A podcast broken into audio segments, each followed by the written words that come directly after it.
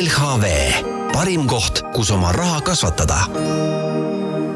Delfi taskus stardib täna täiesti uus äh, saatesari, selle nimi on Rahatark ja me hakkame rääkima, nagu ka nimi ütleb, rahast, investeerimisest, raha säästmisest, raha kasutamisest äh, selleks, et seda kasvatada, et teha õigeid otsuseid, et äh, siis, kui enam tööd teha ei taha, ei viitsi, ei saa, siis oleks mõnus seda raha kuskilt võtta.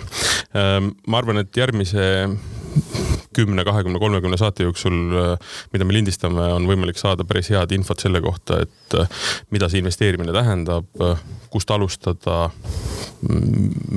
kuhu oma raha investeerida ja nii edasi, nii edasi. üritame nii-öelda võimalikult laia spektrit selles saates kajastada. me alustame nii-öelda kas öelda kõige lihtsamast, aga põhimõtteliselt eh, nii-öelda siis eh, nullruudu pealt ja räägimegi siis konkreetselt raha investeerimisest. ja ma ei ole siin stuudios üksi, sest et eh, kui päris aus olla, siis egoistlikult äh, tahan ka mina teada, kuhu oma raha paremini investeerida. ja selleks, et saada seda teada, on mul üle laua LHV vanemmaakler Nelli Janson kes hakkab vastama küsimustele ja ma loodan, et siis saate lõpuks ma oma investeeringutega olen juba vähemalt plussis tere, Nelli. tere ähm,. alustame võib-olla kõige lihtsamast asjast, et äh, me siin saateväliselt natukene rääkisime, mis on need küsimused, miks inimesed näiteks ei taha investeerida või miks nad selle peale ei mõtle või miks ei ole nii populaarne ähm,. võib-olla ma eksin, et ta ei ole nii populaarne, aga siiski, et äh, kui defineerida, mida see investeerimine üldse tähendab? no investeerimine tegelikult äh, on väga-väga lai mõiste. Äh, investeerida, et me siin praegu räägime investeerimisest, kus, kus on kaasatud ka raha, eks. Aga investeerida võib näiteks eelkõige iseendasse, oma teadmistesse, oma oskustesse, et, et see on samamoodi investeerimine, nii et, et seal on väga mitu sellist äh, erinevat kastikest, kuhu võib investeerimissildi peale kleepida ja, ja täna me tahaks rääkida võib-olla rohkem sellest raha poolest, et kuhu siis raha panna saab.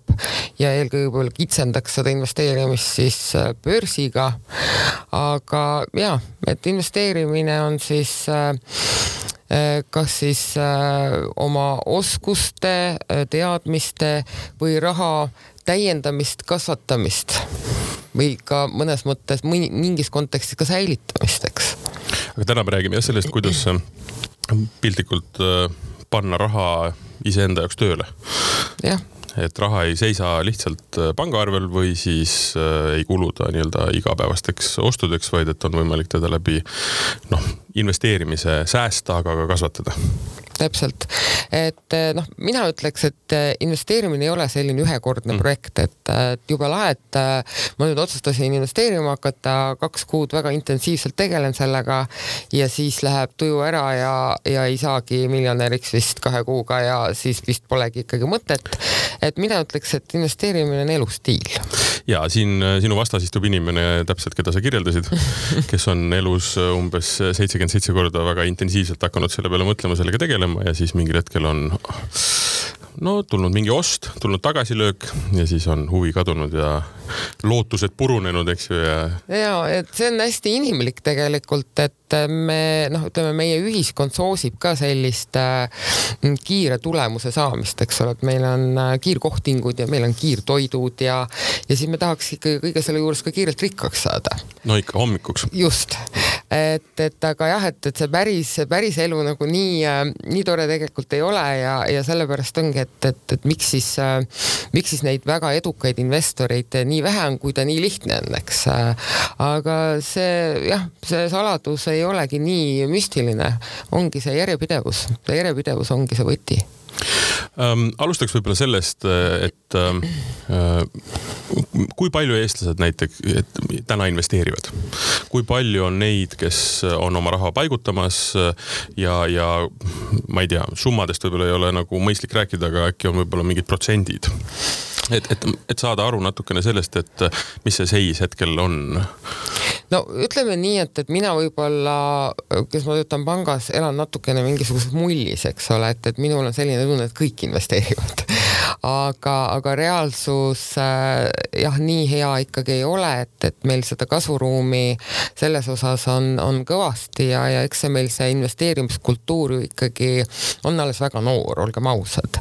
ja, ja võib-olla me, me nõuamegi natukene liiga palju ja üritame äh, üle oma varju hüpata, aga viimaste aastate jooksul on olukord ikkagi kordades paranenud, et seda, seda ma võin kinnitada ja selle üle on mul ainult ja ainult hea meel, et, et inimesed tunnevad aina rohkem huvi oma, oma rahaasjade kontrolli alla saamise üle, eelarvete koostamine hästi palju koole, kus on, ütleme, sellised aktivistõpetajad muretsevad selle pärast, et tuleks inimesed ja räägiks koolis lastele rahatarkusest, et et noh, ongi, et meil lähevad noored keskkoolist ära ja ja, ja nad une pealt oskavad meile Pythagorase teoreemi ette vuristada, aga, aga kuidas seda isiklikku eelarvet teha, et, et su kulutused ei ületaks su sissetulekuid, et see on asi, mida võib-olla ei olegi talle mitte kunagi keegi rääkinud ja, ja sinna juurde ka lisaks siis investeerimisest, nii et,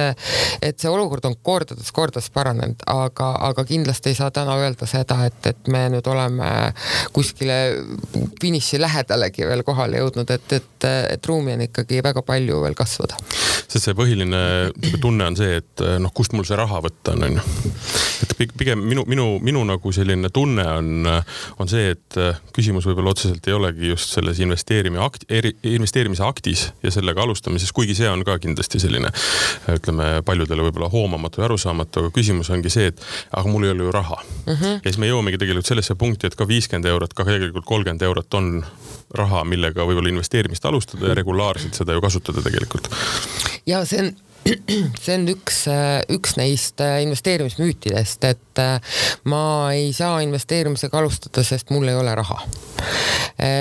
reaalsus on see, et, et investeerimist saab alustada näiteks alates ühest eurost ja kõigil, kellel on püsisissetulek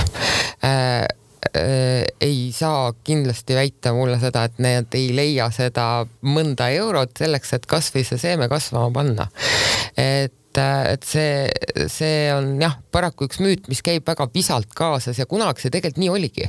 et selles osas äh, jutt täiesti õige, et, et ütleme kakskümmend, kolmkümmend aastat tagasi oligi nii, et äh, ega sul mõne euro või noh, mis iganes raha vääring siis kasutusel kuskil oli, ei olnudki midagi sellisel pisikesel jaeinvestoril pihta hakata, et sul pidigi olema päris korralik kapital, et investeerimisega tegeleda, et see oli kunagi väga-väga tõsi.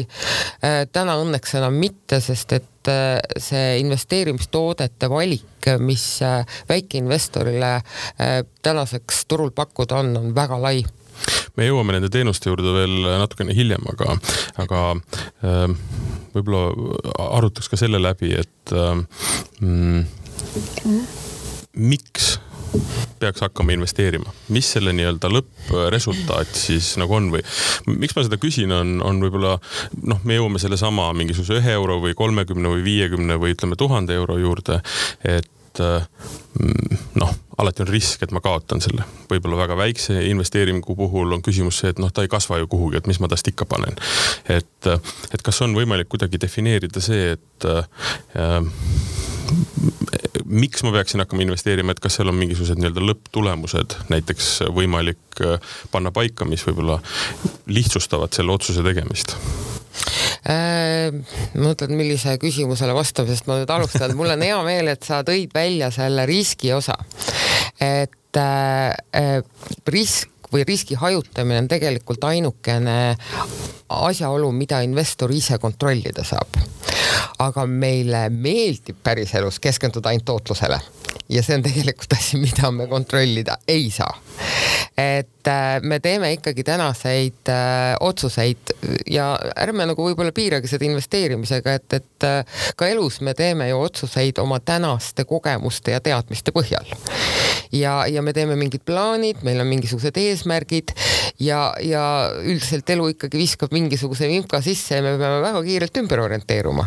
aga täpselt sama on investeerimisega et, et seal võib vabalt äh, paralleeli tõmmata ja, ja see risk, et, et meil ei lähe kõik niimoodi mõnusalt ja sujuvalt, on kogu aeg sealjuures.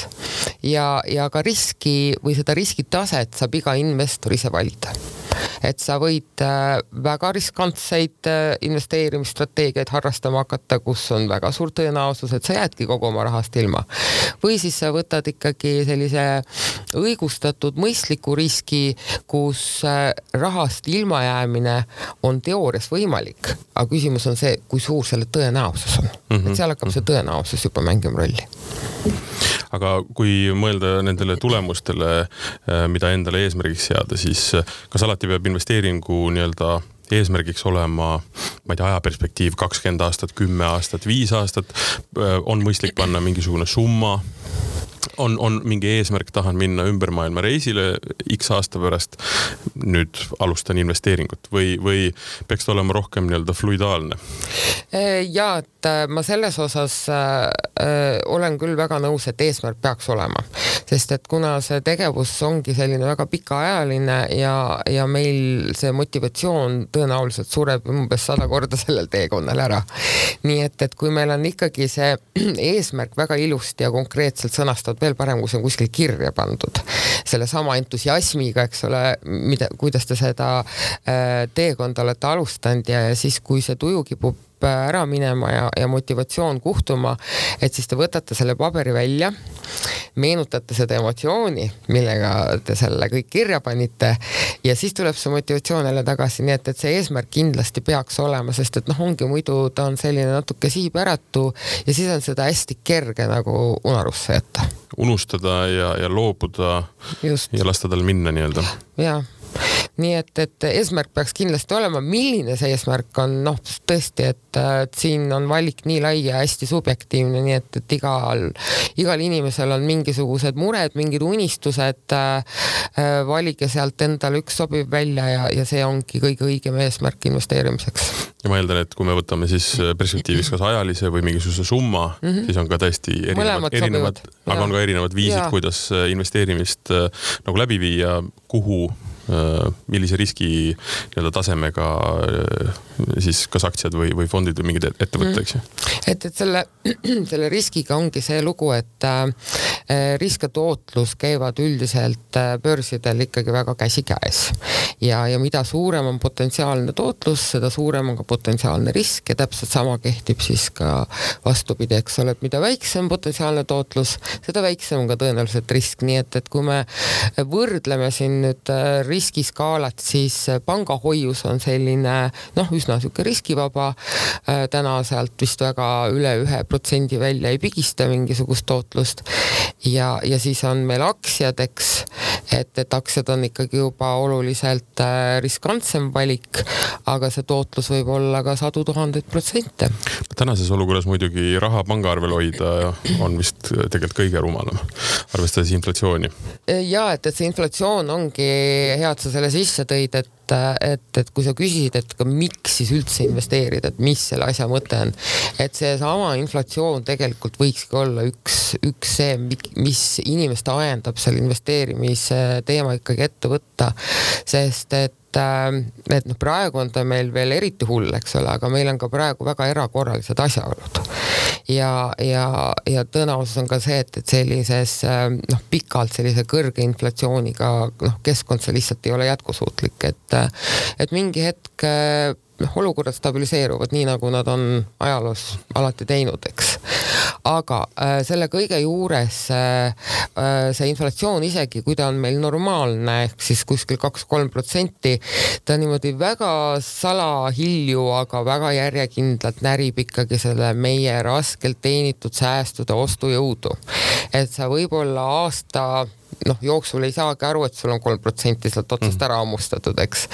aga kui meil on see raha seal juba kümme aastat vedelenud, siis ta on ikkagi juba väga tuntav. nii et, et see esimene ajend äh, võikski olla see, et ma tahan säilitada oma raha ostujõudu pikas perspektiivis mm ma tean vastust sellele järgmisele küsimusele, aga ma küsin selle ikkagi mm. -hmm. kas on olemas inimene, kellele investeerimine sobib ja on inimene, kellele võib-olla see ei sobi? Äh, ma ei ütleks, et investoriks sünnitakse, et investoriks ikka kasvatakse ja õpitakse.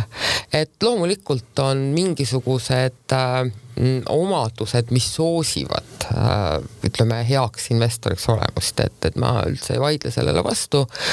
aga see jah, ei ole nüüd selline, et, et et noh, ütleme, et kõik inimesed ei sobi ajukirurgiks, eks ole, et, et ütleme, investori poole pealt on see äh, valik ikkagi oluliselt laiem, nii et, et investoriks tegelikult äh, sobib iga inimene, lihtsalt investeerimine võib olla väga keeruline väga ajamahukas, aga investeerimine võib olla ka väga lihtne ja passiivne mm. -hmm.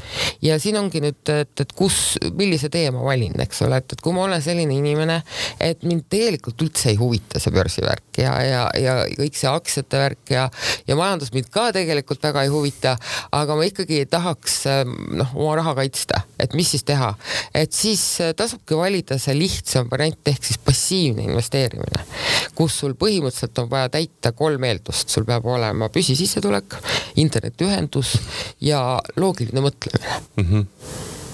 ja sellest täiesti piisab et äh, saavutada investeeringule tootlus, mis on natukene üle nii-öelda inflatsiooni. ja et no ma ütlengi, et, et ma ei noh, ütleme ajalooliselt, eks ole, et me taaskord me saame äh, põhineda mingisugustele ajalooliste näitajatele, sest et äh, mm, meil ei ole seda kristallkuuli, et tulevikku näha, kuigi ma tean, et paljud inimesed kahtlustavad, et pankadel ikkagi on see kristallkuul, nad lihtsalt ei taha öelda seda meile. siis ma nüüd ütlen siin ka avalikult välja, et meil tegelikult ikkagi ei ole seda, et, et me täpselt samamoodi, eks Äh, üritame siis kas mingite ajalooliste kogemuste praktikale kogu, tuginedes või siis tuleviku tõenäosuse prognoosides siis ette ennustada seda võimalikku tootlust, aga jah, ajalooliselt on olnud kuskil noh, kaksteist, kolmteist protsenti keskmiselt, mis ei tähenda siis seda, et see ongi stabiilselt nii-öelda kaksteist, kolmteist protsenti iga aasta. et, et turud ja börsid sõltuvad ikkagi väga palju sellest, mis maailmas ja majanduses toimub. nii et, et seal võib neid hüppe hüppeid ja langusi olla oluliselt suuremates protsentides aga, aga kui me nüüd jah, võtame sellise keskmise inflatsiooni, mis võiks olla kuskil kaks-kolm protsenti aastas, siis äh, kümme, üksteist protsenti keskmist tootlust äh, oma investeeringutelt saada tegelikult on väga hästi. ja, ja äh, noh, ongi, see ongi nüüd teine koht, kus tavaliselt inimestel tuju ära läheb ja, ja ma saan aru, miks paljudel inimestel lähevad silmad särama siis, kui keegi meeldiva häälega Äh, inimene helistab ja ütleb, et aga ma pakun sulle börsitootlust kaks tuhat protsenti järgmise kahe kuuga onju ja siis, siis sa mõtled selle peale, kuidas keegi sulle pangas rääkis mingisugusest kümnest, üheteistkümnest protsendist, et väga lihtne valik, eks. et, et äh, aga kui me nüüd vaatame seda päris elu, et, et meil on olemas ka väga palju fonde, kus, äh, kus äh, nüüd nimetatakse ka riskifondidest, kes siis ületavad nii-öelda seda turu keskmist, nende eesmärk ongi see, et seda turu keskmist kõvasti nii-öelda investorite jaoks ületada. see äh, ei ole keeruline lühema perioodi jooksul Äh, üks, kaks, isegi kolm aastat ei ole mingi probleem nii-öelda seda ajaloolist keskmist ületada, aga pikas perspektiivis on elu näidanud, et äh, enamus, üheksakümmend protsenti fondidest ei suuda seda. nii et, et kui äh, ütleme, meile üldiselt ei meeldi keskmine olla, me tahaks ikkagi paremat kui keskmised olla, siis ma võin kinnitada, et investeerimismaailmas on keskmine tootlus väga hea tulemus mm. -hmm siin muidugi mängib hästi palju rolli täpselt äh, üks äh, konkreetne asi, äh, mida ka mainitud sai, on see, et sõltub sellest, kui palju sul aega on üks asi on raha, kui palju sa investeerid, teine asi on see, kui palju sul aega on. ja noh, loomulikult meile kangastub silme ette pilt mõnest filmist, kus hommikust õhtuni mehed röögivad üksteise peal suures nii-öelda börsisaalis ja teevad suuri raha, suurt raha teevad, eks ju.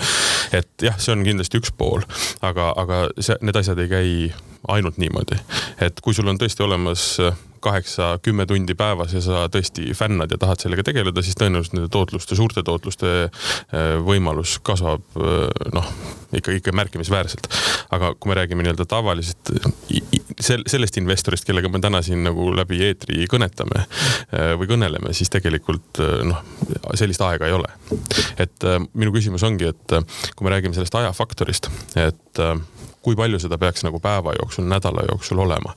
et äh, ma ei tea, siis ise näiteks oma portfelli hallata?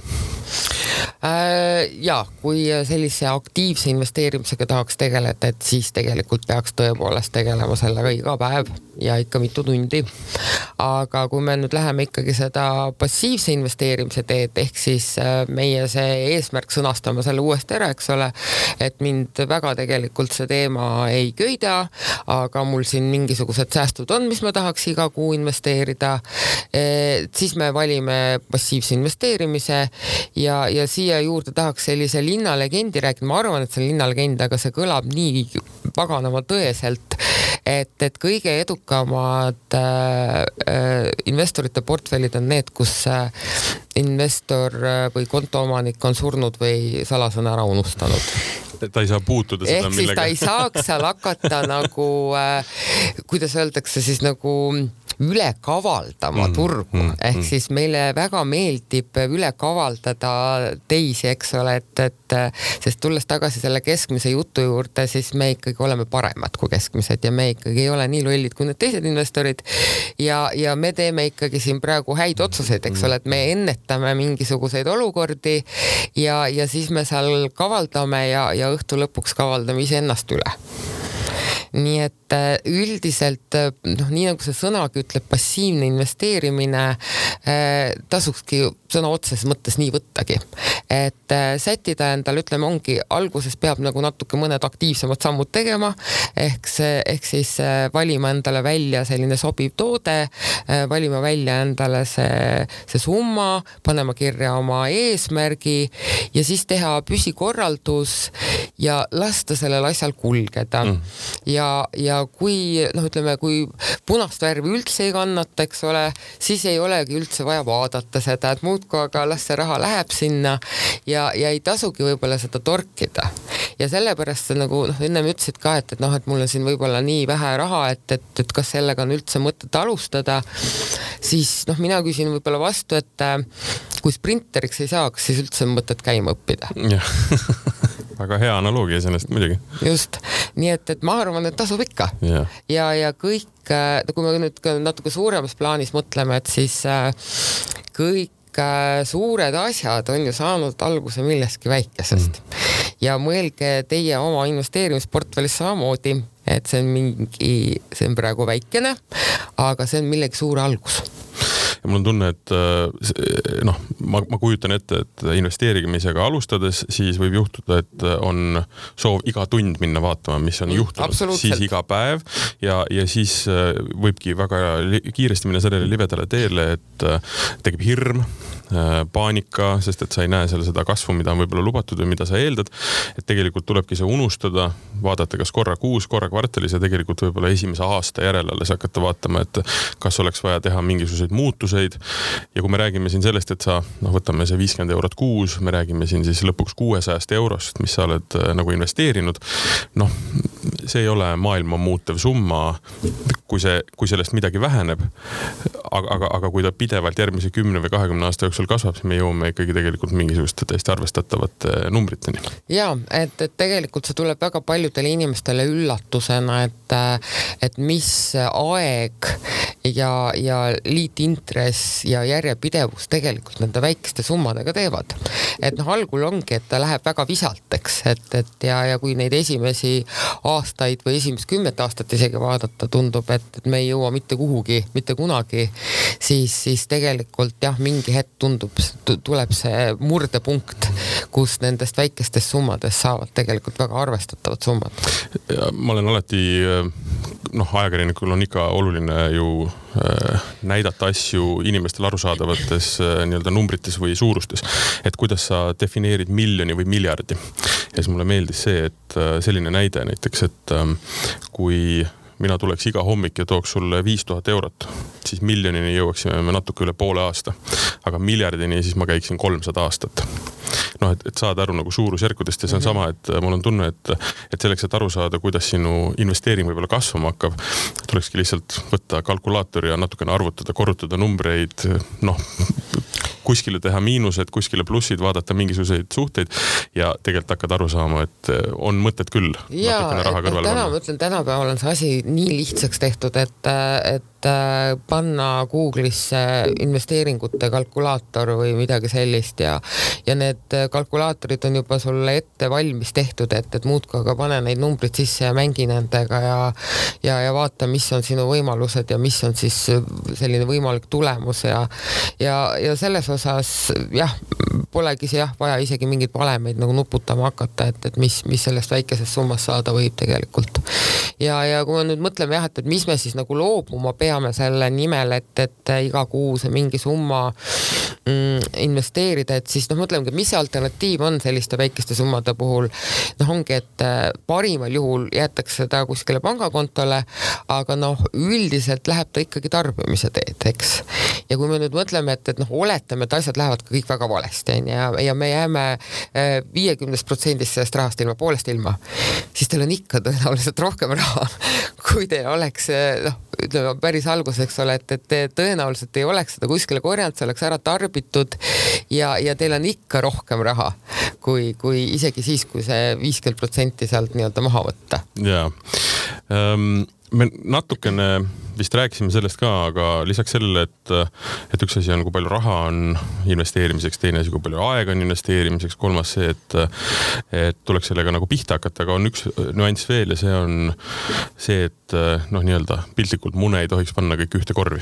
ja see on see, mis vist tegelikult tänaseks on väga-väga palju muutunud võrreldes ütleme siin üheksakümnendatega, kus tegelikult noh, sinu vii, viis investeerida oli see, et sa ostsid ühte aktsiat, eks ju.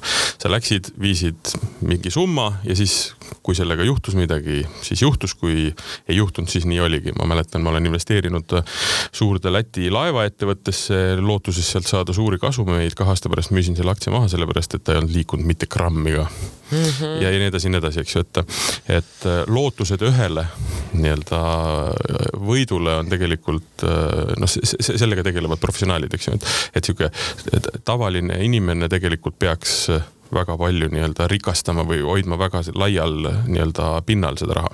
eksin ma?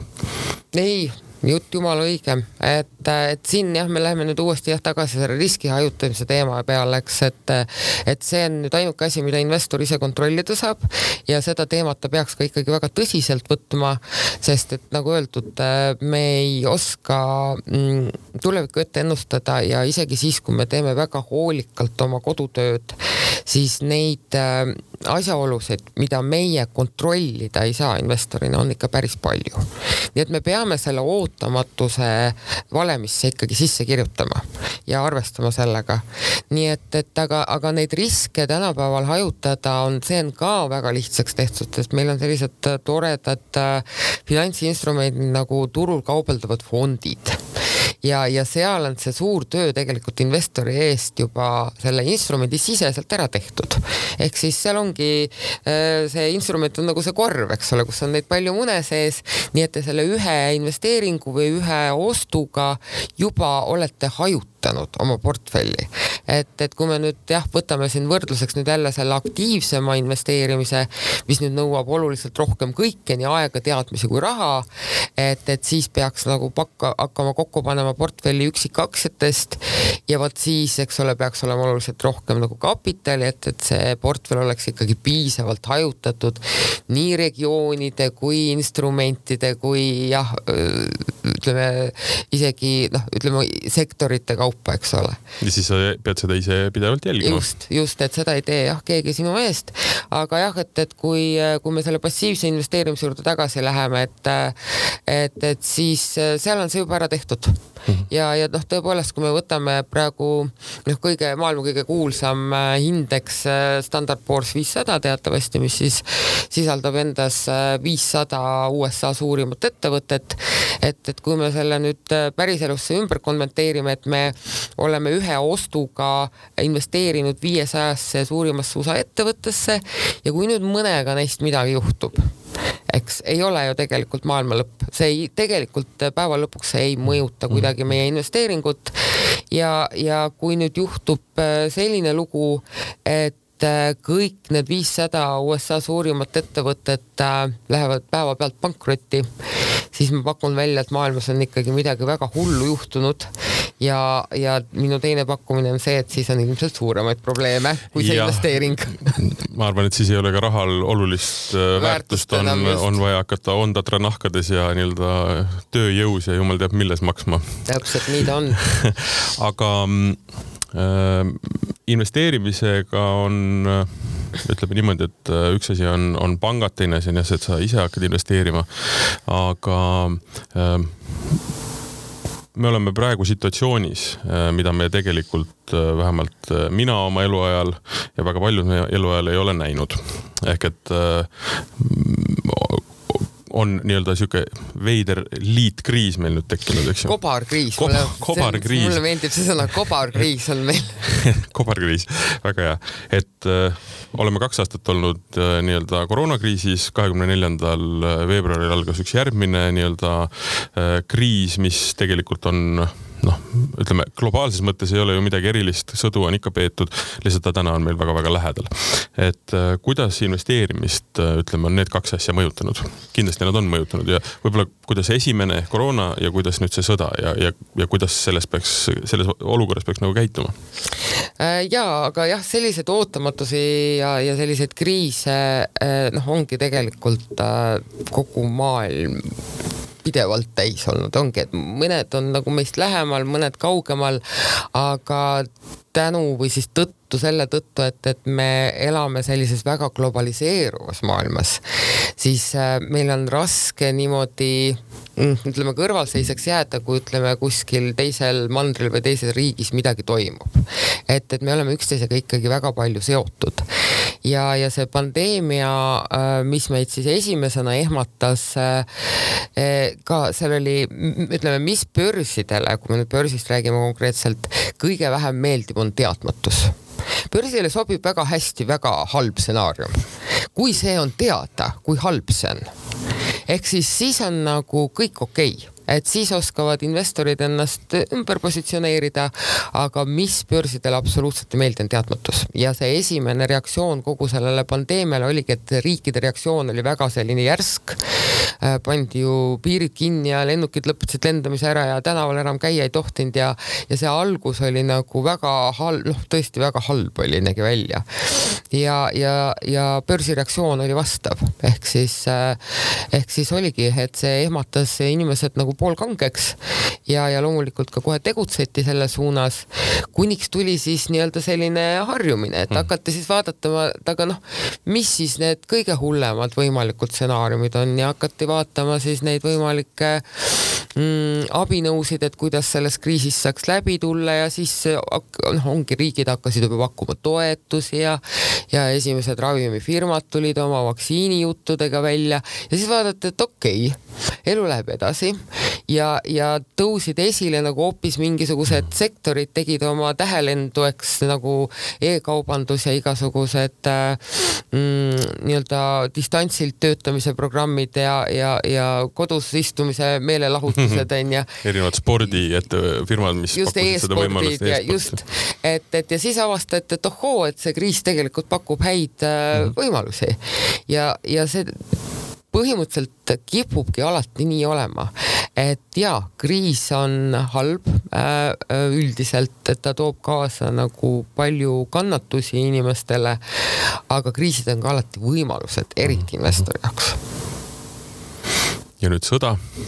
jah, ja nüüd siis me oleme sõjas, eks äh, noh, sõda ei ole ju selles mõttes midagi uut ega erilist, aga nagu sa õigesti ütlesid, siis äh, ta on meile seekord väga-väga lähedal ja, ja taaskord, eks see esimene reaktsioon oli ka väga suur ehmatus. et, et noh, ütleme enamus ikkagi olid väga kindlad, et see ei eskaleeru päriselt sõjaks.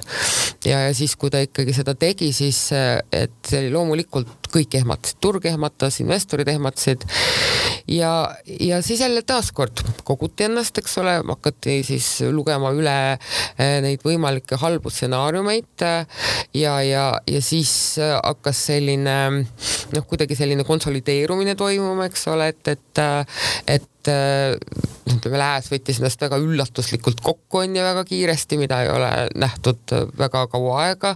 see sisendas tõenäoliselt inimestele sellist kindlustunnet, ka investoritele kindlustunnet. nii et, et tegelikult praegu ongi selline noh, natuke selline äraootaval seisukohal, et, et see esimene ehmatus toimus ära, siis põrkas turg tagasi, sest vaadati, et noh, okei okay,, praegu väga hull ei ole, eks ole, et ta on väga sellises äh, kindlas äh, kohas toimub see konflikt, et ta ei ole nagu laienenud ja seal ei ole ka väga suurt potentsiaali, et ta laieneks kuhugi praegu. ja, ja siis hakatakse vaatama, eks ole, võimalusi ja, ja noh, üks võimalus on see laual, mis praegu, et, et et, et rohepööre saab uue hingamise, eks ole, et, et nüüd ühtäkki on kogu äh, Lääne-Euroopa aru saanud, et vot nüüd on ikkagi vaja väga otsustavalt mm. tegutseda, et selge see, et see ei saa toimuda üleöö. aga kui siin varem võib-olla noh, siin niimoodi mööda minnes räägiti sellest rohepöörde, küll me siin siis vaikselt niimoodi nokitseme seda mm. rohepööret teha, aga siis samal ajal ikka me siin seda odavat gaasi tahaks ka ikka ja et noh, kiiret ei ole, et, et küll me jõuame sinna, et, et see võib-olla andis sellise uue hingamise, eks. ehk siis, et noh, ütleme kõik elektriauto teemad ja, ja alternatiivenergia teemad, et need on justkui jälle sellise niisuguse teise tulemisega laual tagasi. et selles mõttes börsi ja ütleme investeerimise mõttes ei ole siin mitte midagi uut, eks ju?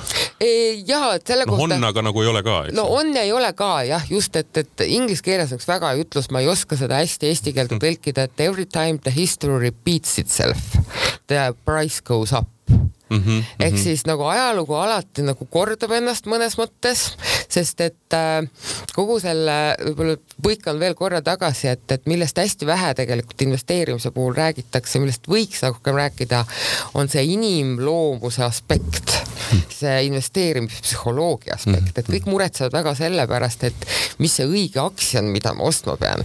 aga väga vähe muretsetakse selle pärast, et kuidas ma oma emotsioonidega toime tulen mm. ja, ja selles osas kui nüüd äh, mõelda, siis inimene ei ole väga muutunud viimase paari tuhande aasta jooksul.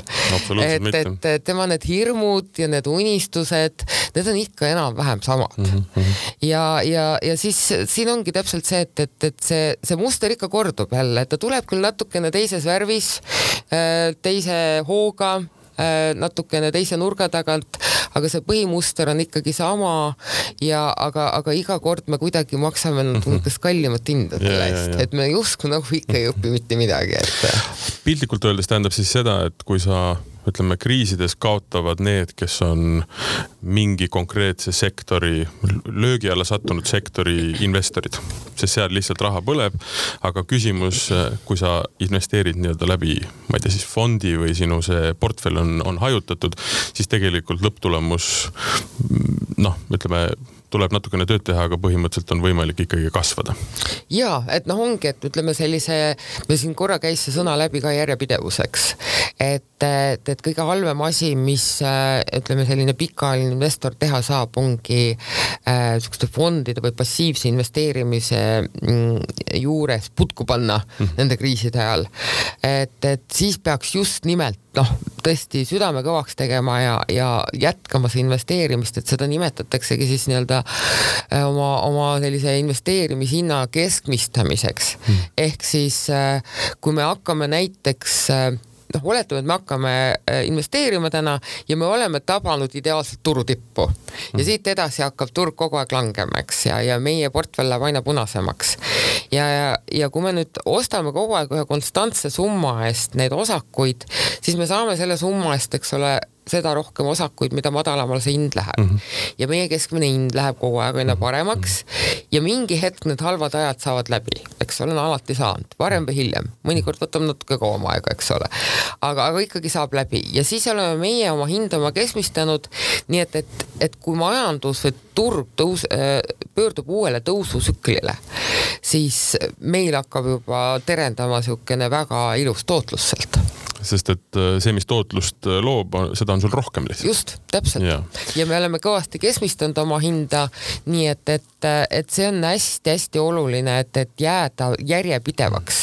et siis me ka elimineerime ühe sellise teise ohu niisuguse aja raiskava faktori, mida algajad investorid eriti armastavad teha, et millal see õige aeg on mm. -hmm. et, et ma nüüd ootan seda õiget aega, seda ma võin nagu ette öelda, et seda ei tule mitte kunagi. olen oodanud Just. ja seda ei tulnud. täpselt ja, ja, ja selle kohta ma tahaks veel öelda seda, et õige aeg investeerimisega no, alustamiseks oli eile, eile.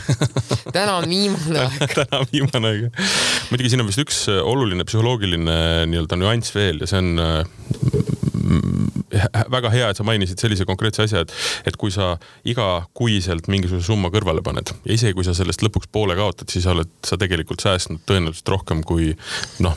kui sa ei oleks investeerimisega alustanud. nüüd üks muidugi moment, mis sellele täielikult vastandub, on see, kui sul on mingisugune summa raha ja sa selle konkreetse, räägime näiteks kümme tuhat eurot, investeerid ja siis ootamatult jääd poolest ilma mm. -hmm, siis ma kujutan ette, et see valu on ikkagi hoopis, hoopis midagi muud ehk et see niisugune regulaarne investeerimine rahast, mis muidu läheks noh, piltlikult öeldes kinopileti ja õlle jaoks, siis noh, igal juhul säästad. teiselt poolt viiskümmend protsenti on lähe, läinud rahast, mis mul juba oli olemas, mille eest ma oleksin saanud mida iganes teha, eks ju. ja tõsi, et seal on jah, selles osas suur vahe ja, ja noh, paljud äh, ongi palju küsida, et ma siin nüüd äh, müüsin midagi maha või, või mm -hmm. sain mingi päranduse või et, et mida ma nüüd ostma peaks, et, et, et mul nüüd see raha säiliks ja, ja ka kasvaks, eks, et, äh, et seal nüüd jah, see investori elu läheb nagu selle võrra nagu keerulisemaks, et äh, ta peab nüüd tegema enda jaoks väga targad valikud just selles mõttes, et äh, kui väga mul seda raha vaja on. ehk siis, kas ma olen tõesti valmis poolest nagu äh, suurema riski nimel ilma jääma või ma ei kannataks nagu mitte ühegi sendi kaotust sellest summast ja vastavalt sellele tegema ka valikud, et, et kui see hirm ikka selles osas on nagu nii suur, et, et ma ei, ma ei saa noh, ma ei saa kaotada ühtegi senti sellest, et, et siis ongi pangakonto see valik, et midagi ei ole teha. või siis äh, kinnisvara, eks ole, et, et selles mõttes kinnisvara ei ole nii volatiilne, kuigi me teame, et ka kinnisvaraturg võib olla volatiilne. aga noh, ta on võib-olla vähem volatiilne, kui on börs. et äh, või siis, äh, või siis ongi teine variant, et, et, et ma, et teen mingisugused jupid endale, et, et kuidas ma hakkan oma portfelli ehitama, et ma ei hüppa pea ees kinni silmi tundmatusse aktsiasse sisse, vaid ma teen mingi konkreetse plaani, et, et ma vaatan, kuidas ma nagu hajutan seda summat, ma valin välja turud, ma valin välja seal võib-olla osaliselt, et panen osa võlakirjadesse, osa aktsiatesse, osa fondidesse ja ma hakkan neid tükk tüki haaval hakkan ehitama oma portfelli mm. -hmm. et see on nagu selline teine äh, üsna mõistlik lähenemisviis asjale. kas on võimalik ähm, rahustada inimest, kes nüüd äh, tahaks investeerima hakata, aga tal on needsamad hirmud, millest me tegelikult nagu rääkinud oleme, eks ju, et see riskiküsimus, äh, raha ei ole piisavalt palju või noh, kus mul teda on, kõik kulub ju ära jutumärkides, siis ei ole aega sellega tegeleda ja nii edasi, nii edasi. et kas me saame rääkida mingisugusest sellisest, ütleme noh, mm, loogikast, et viie, kolme, viie või kümne aasta nii-öelda lõikes, kui õigesti käituda, olla nii-öelda mõistlik investor, jätku pidev nii-öelda siis investor, oleme me tegelikult lõppkokkuvõttes plussis? ja eh, ma usun küll, et saab, sellepärast et noh, ongi äh, kuidas ma siis ütlen äh, Eh, mida pikem on, eks ole, periood, seda absoluutselt parem, sest et noh, ongi see annab, eh, annab aega, eks ole, kõige hullem tegelikult, mis oma investeeringuga mõnes mõttes teha saab, on talle mingi lõpptähtaeg kaela riputada mm. -hmm. ehk siis see paneb nagu sundolukorda ja kui me nüüd mõtleme, et, et okei okay,, kümme aastat ja, ja see on mu viimane piir, eks ole, et kümne aasta pärast ma tahan kindlasti võtta sealt poole rohkem raha välja. et seal see, see, see olukord, et seal on poole rohkem raha, võib esiteks tulla oluliselt varem, aga võib tulla oluliselt hiljem. nii et, et ma ei soovita panna sellist äh, äh lõpptähtaega sellele asjale, sest et me ei, see on asi, mida me ei saa kontrollida, ehk jätta see lõpp lahtiseks. Et, et, et mul ongi, ma võtan välja siis, kui, kui tundub, et, et noh, see minu investeerimine on nagu igati ära õigustanud ennast ja, ja, ja turg soosib ja toetab seda lisaks on äh, veel üks oluline asi, ütleme just äh, nii-öelda aktsiad, võlakirjad, äh, fondid on see, et tegemist on suhteliselt likviidse. ja väga likviidse varaga ja, ja. et kui me räägime siin kinnisvarast või mingitest konkreetsetest osalustest ettevõtmistes või, või nii edasi, nii edasi, nende nii-öelda, nende nii-öelda likviidseks tegemine võib osutuda noh kahjumlikuks mm,, pikaajaliseks ja nii edasi, nii edasi. et tegelikult, et see, et sa oled investeerinud oma raha, mis on füüsiline nii-öelda ostuvõimega dokument äh,, oled ostnud äh, aktsiaid, siis tegelikult see ei tähenda seda, et nüüd on aastateks nii-öelda see raha läinud, et noh, sa võid ja. põhimõtteliselt ta ikkagi kasvõi homne päev nii-öelda uuesti ära realiseerida ja saada oma ostud tehtud. just, just, et, et ta on väga-väga likviidne, et, et noh, tõesti, et, et kui on mingi tõesti suur häda käes, et, et siis selle saab realiseerida tegelikult tõesti väga kiiresti. nii et, et see, seda ei pea jah kartma, et ta kuidagi niimoodi aastateks kuskile külmutatud on. aga ja et, et see kinnisvara teema, et noh, eestlased ise on väga-väga siukest kinnisvara usku just ja, ja noh, ma saan ka aru, miks, sest noh, ongi, et sul on mingi maja või korter, siis sa saad ikkagi käia ja patsutada seda ja et noh et see on seal. mul on tunne, et see on veel sügavamal DNA-s. see on ikka küsimus selles, et kui kodu talveks ei ole, siis on eluga kõik noh no,. külm tuleb peale ja siit see sind ära võtab. tõenäoliselt on üks asi see. see on kuskil seljaajus meil nii-öelda. ja, ja samas siis teisest küljest on siis need aktsiad, mis on nagu selline väga abstraktne, eks ole. no täitsa arusaamatu ju, kuskil on nad, mis asjad nad on, kelle et, käes nad on. isegi käes ei saa hoida, et vanasti oli vähemalt sai kuidagi mingi paberiga kätte onju, et, et noh, nüüd on nagu kuidagi kõik nagu väga virtuaalne ja see võib ka ühel päeval ju ära kaduda, hommikul ärkad üles ja öeldakse, sul ei olegi aktsiaid, millega ma tõestan, et mul ei olegi, ei olnudki kunagi aktsiaid, onju.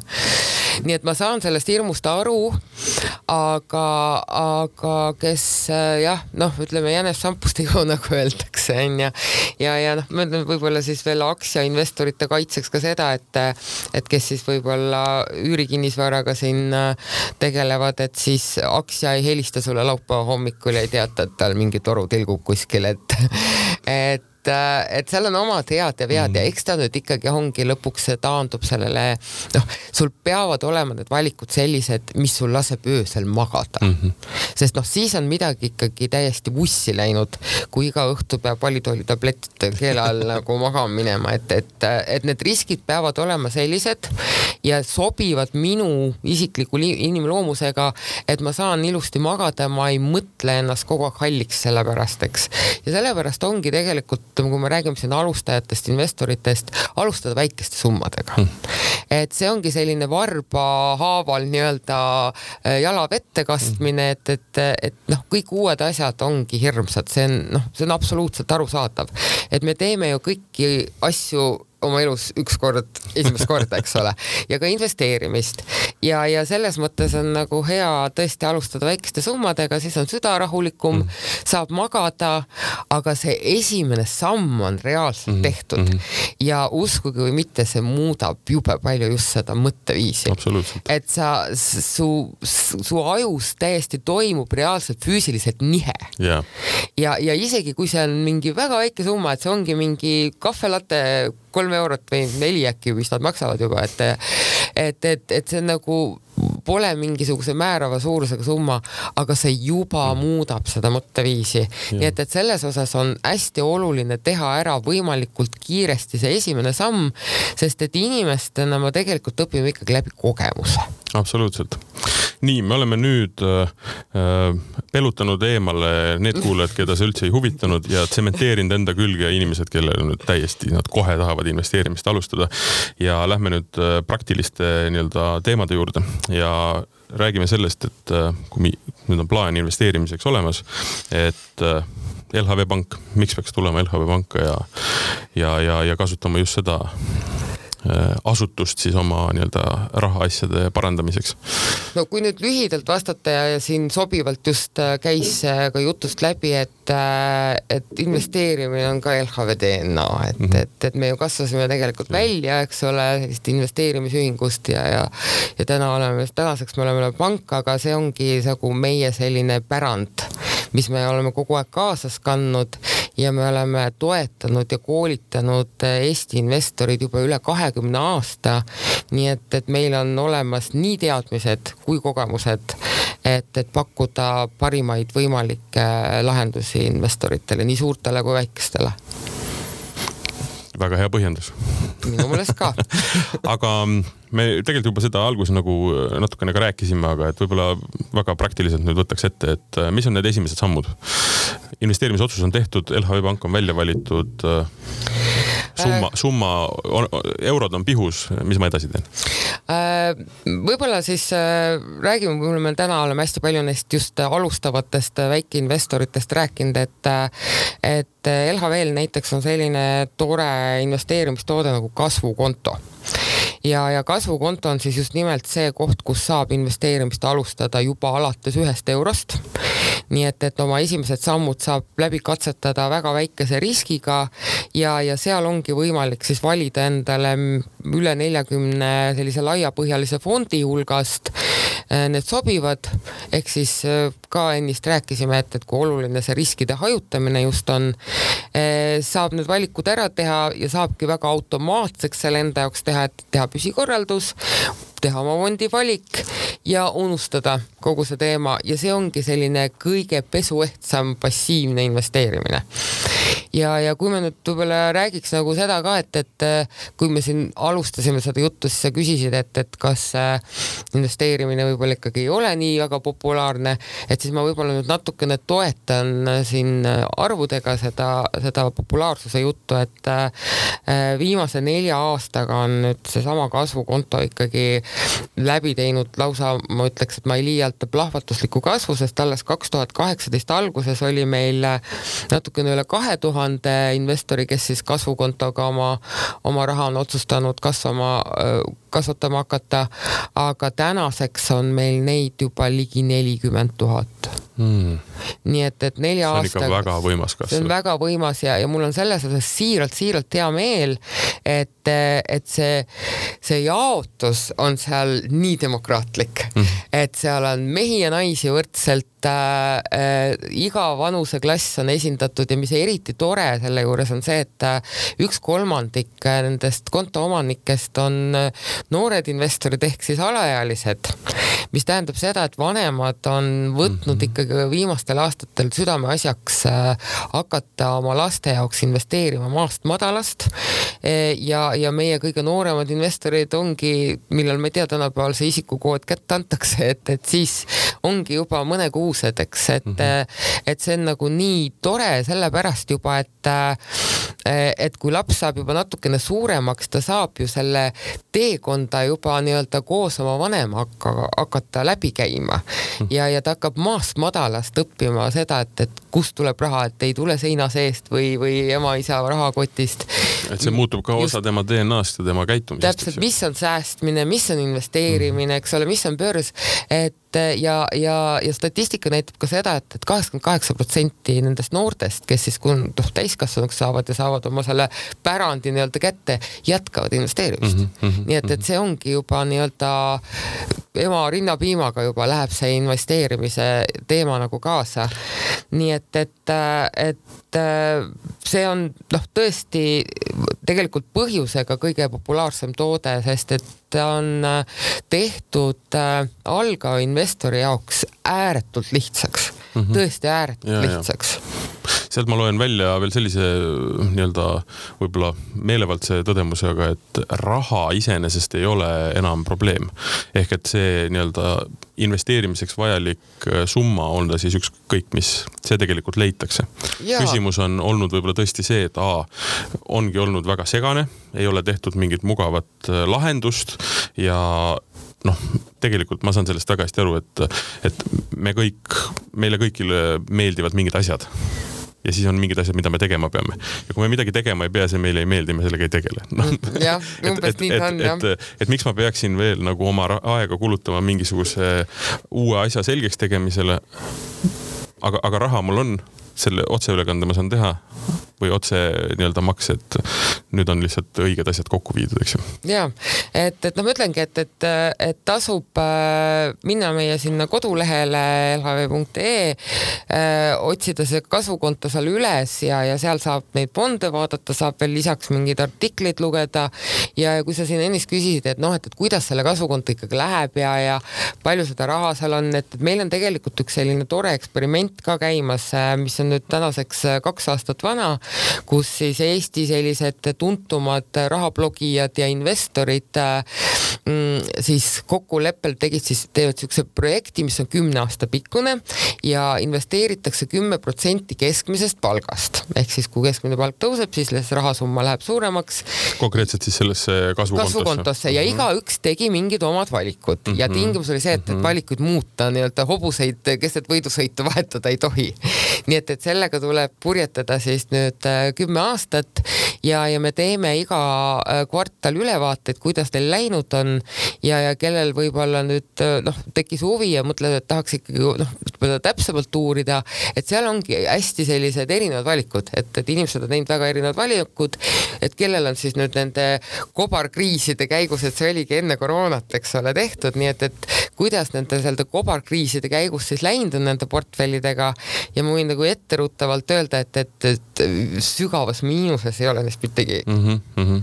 see tähendab seda, et see kasvukonto on nüüd ütleme äh, konkreetselt üks, üks nagu koht, kuhu ma saan, kannan oma raha, aga kas ma seal kasvukonto sees, minu valikud on siis millised, ma saan ise valida ja. valdkonnad, kuhu ma investeerin äh, või, või kuidas ta lahendatud on? ja et, et seal ongi, et, et kui me rääkisime siin ennist nendest fondidest, eks ole, mis on nagu niisugused munakorvid, mis börsil kauplevad, onju, et siis neid munakorve on meil seal väga erinevaid, on sektoripõhised, on regioonipõhised, isegi äh, krüptorahasse saab seal läbi fondi, nii et, et kes nagu võib-olla tahab natukene sellist äh, äh, särtsu ka oma portfelli, et, et isegi seda saab läbi kasvukonto teha. ja neid saab muuta ka? ja neid saab muuta Jooksvalt. ka, just, just, et seda, seda saab ka teha, et, et selles osas on see vabadus ka ära lõpetada iga hetk, et selles mõttes ei tasu nüüd mõelda, et see selline, kuidas öelda, sihuke laulatus on, et, et, et sealt kuidagi enam välja ei saa, et, et, et seda saab ka ära lõpetada, et see kuidagi ei külmutata ega panda kinni ega mingisuguseid trahve seal nagu ei kaasne. lihtsalt seal tuleb arvestada sellega, et, et see toode on mõeldud investoritele, kes tahavad pikaajaliselt väikeseid summasid mm. investeerida mm. -hmm. nii et see ei ole nagu mingi selline ta ei ole pangahoius, ta on ikkagi reaalselt päris börsil kauplevad fondid, mis on siis kogu maailma majandusest ikkagi sõltuvad, onju. ja, ja teiseks ta ei ole ka mingi selline kiire raha tegemismasin. ehk siis kuna seal on keskmiselt ütleme keskmise riskiastmega instrumendid, see tähendab ka seda, et see kulgemine on ikkagi nagu aeglasem ehk siis, ehk siis kes nagu jah, väga sellist sellist volatiilset äh, ja, ja mm, jah, radioaktiivset kraavi võib-olla armastab, eks ole, et see ei ole jah, võib-olla nende jaoks, aga ongi, et, et äh, absoluutselt last, lastevanemate lemmiktoode, et, et niisugune äh, hea koht, kus koguda oma lapsele iseseisva elu fondi näiteks või siis oma pensionile, mingi kohustuslikule pensionile lisaks veel mingit niisugust ekstra, ekstra fondi, et, et. et ühesõnaga siin piltlikult see toode on nüüd põhimõtteliselt ma kannan oma raha nii-öelda sinna kasvukontosse, valin seal mingisugused nii-öelda tooted, aga põhimõtteliselt on ta ikkagi sihuke, noh, me rääkisime siin passiivsusest, aga, aga ta on noh, tegelikult ma kogun seda raha ja, aga temaga igapäevaselt äh, lihtsalt midagi tehakse. ehk et ta kaupleb reaalselt äh, maailmas aktsiates, mis on vabalt nii-öelda. vot me, me rääkisime sellest äh, Standard Poor viiesaja indeksist, eks ole, et see fond on seal kõige populaarsem mm, -hmm. ma võin öelda ja, ja ütleme, sellega ongi, et oletame, et sa nüüd valid endale selle SB viiesaja, valid endale sada eurot, mis sa iga kuu otsustad, et sa investeerid sinna. Ja, ja siis nii ongi, teed endale püsikorralduse, iga kuu, iga või iga nädal või iga kuu ostetakse sulle saja euro eest seda fondi osakut mm, -hmm. täpselt selle saja euro eest saad osta, sest seal saad ka nii-öelda murd, murdudega ostad, saad kasvõi null koma null viis seda osakut osta. ja, ja nii ta läheb ja niimoodi sul see kasvab seal. mis tähendab seda, et äh, mitte, et mis tähendab, vaid see on nüüd see üks toode, mis on, ma saan aru, ülimalt populaarseks osutunud ja ma arvan, et see, sellise peaks lihtsalt, sellise peaks päranduseks saama tõesti noh, et, et milleks, milleks üldse nagu rääkida natukene sellest, eks ju, et, et see võiks ju niikuinii olla. aga nüüd, kui me räägime võib-olla noh, ütleme vähe rohkem action'it soovivast inimesest, et äh, tahab ise natukene võib-olla rohkem olla näppupidi mm -hmm. juures, vaadata, tõsta, toimetada, et ähm, mis siis saab?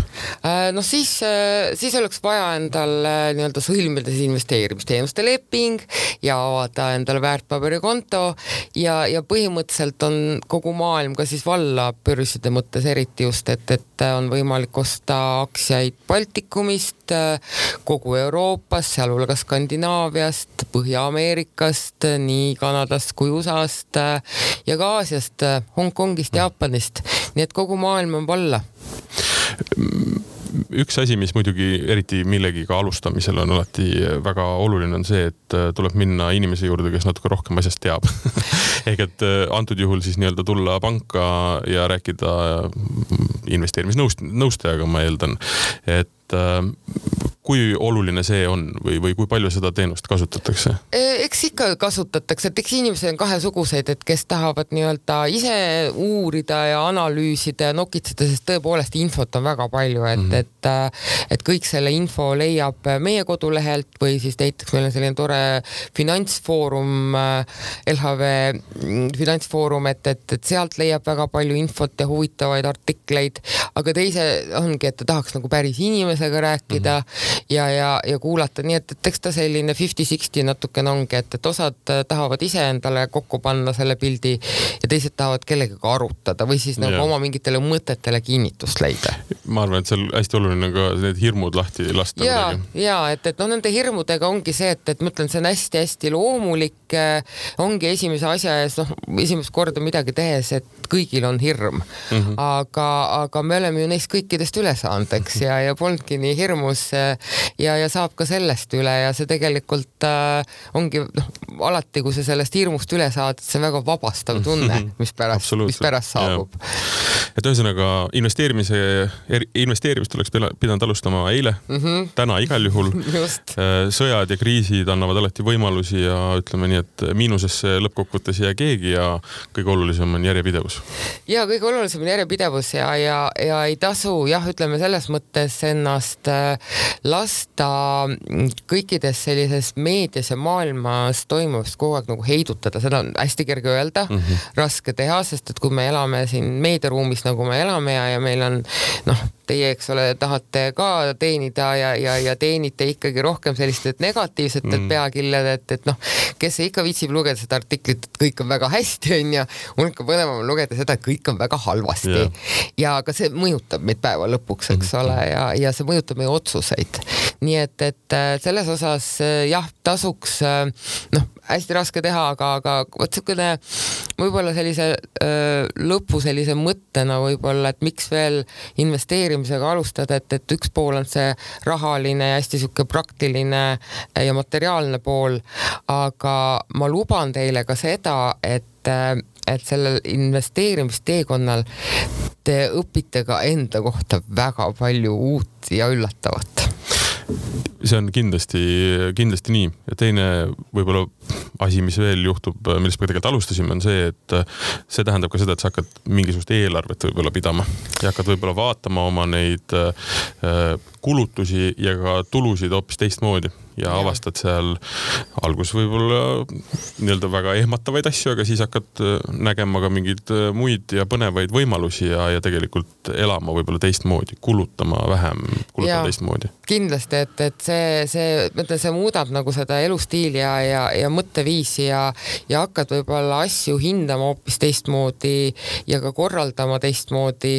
Ja, ja elu äkki muutub lausa kvaliteetsemaks mm -hmm. peale selliseid otsuseid, nii et, äh, et jah, et, et ei tasu ennast võib-olla väga palju sellisest äh, ümberkaudsest infomürast häirida lasta.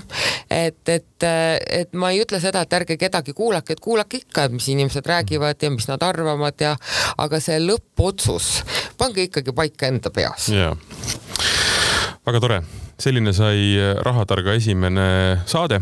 me rääkisime LHV vanemmakler Nelli Jansoniga sellest, et tuleb hakata investeerima. võtke nii-öelda jalad sealt kohast välja ja tehke omale selgeks, mida te tahate oma rahaga nii-öelda saavutada ja siis hakake, hakake seda õigesti paigutama ja üks väga hea lihtne viis on LHV Panga siis kasvukonto. mina lähen ja uurin seda kindlasti täna lähemalt, sest et ma ütlen, nagu ma alguses ka ütlesin, mina selle saate juhtimise võtsin väga egoistlikul põhjusel, et saada ka ise teada rohkem ja kuhu oma raha panna mina olin saatejuht Martin Hanson, saade oli Rahatark ja äh, selleks korraks äh, ma arvan, et on äh, nii-öelda raha teemal mõtlemist, mõtlemisainet küll. LHV, parim koht, kus oma raha kasvatada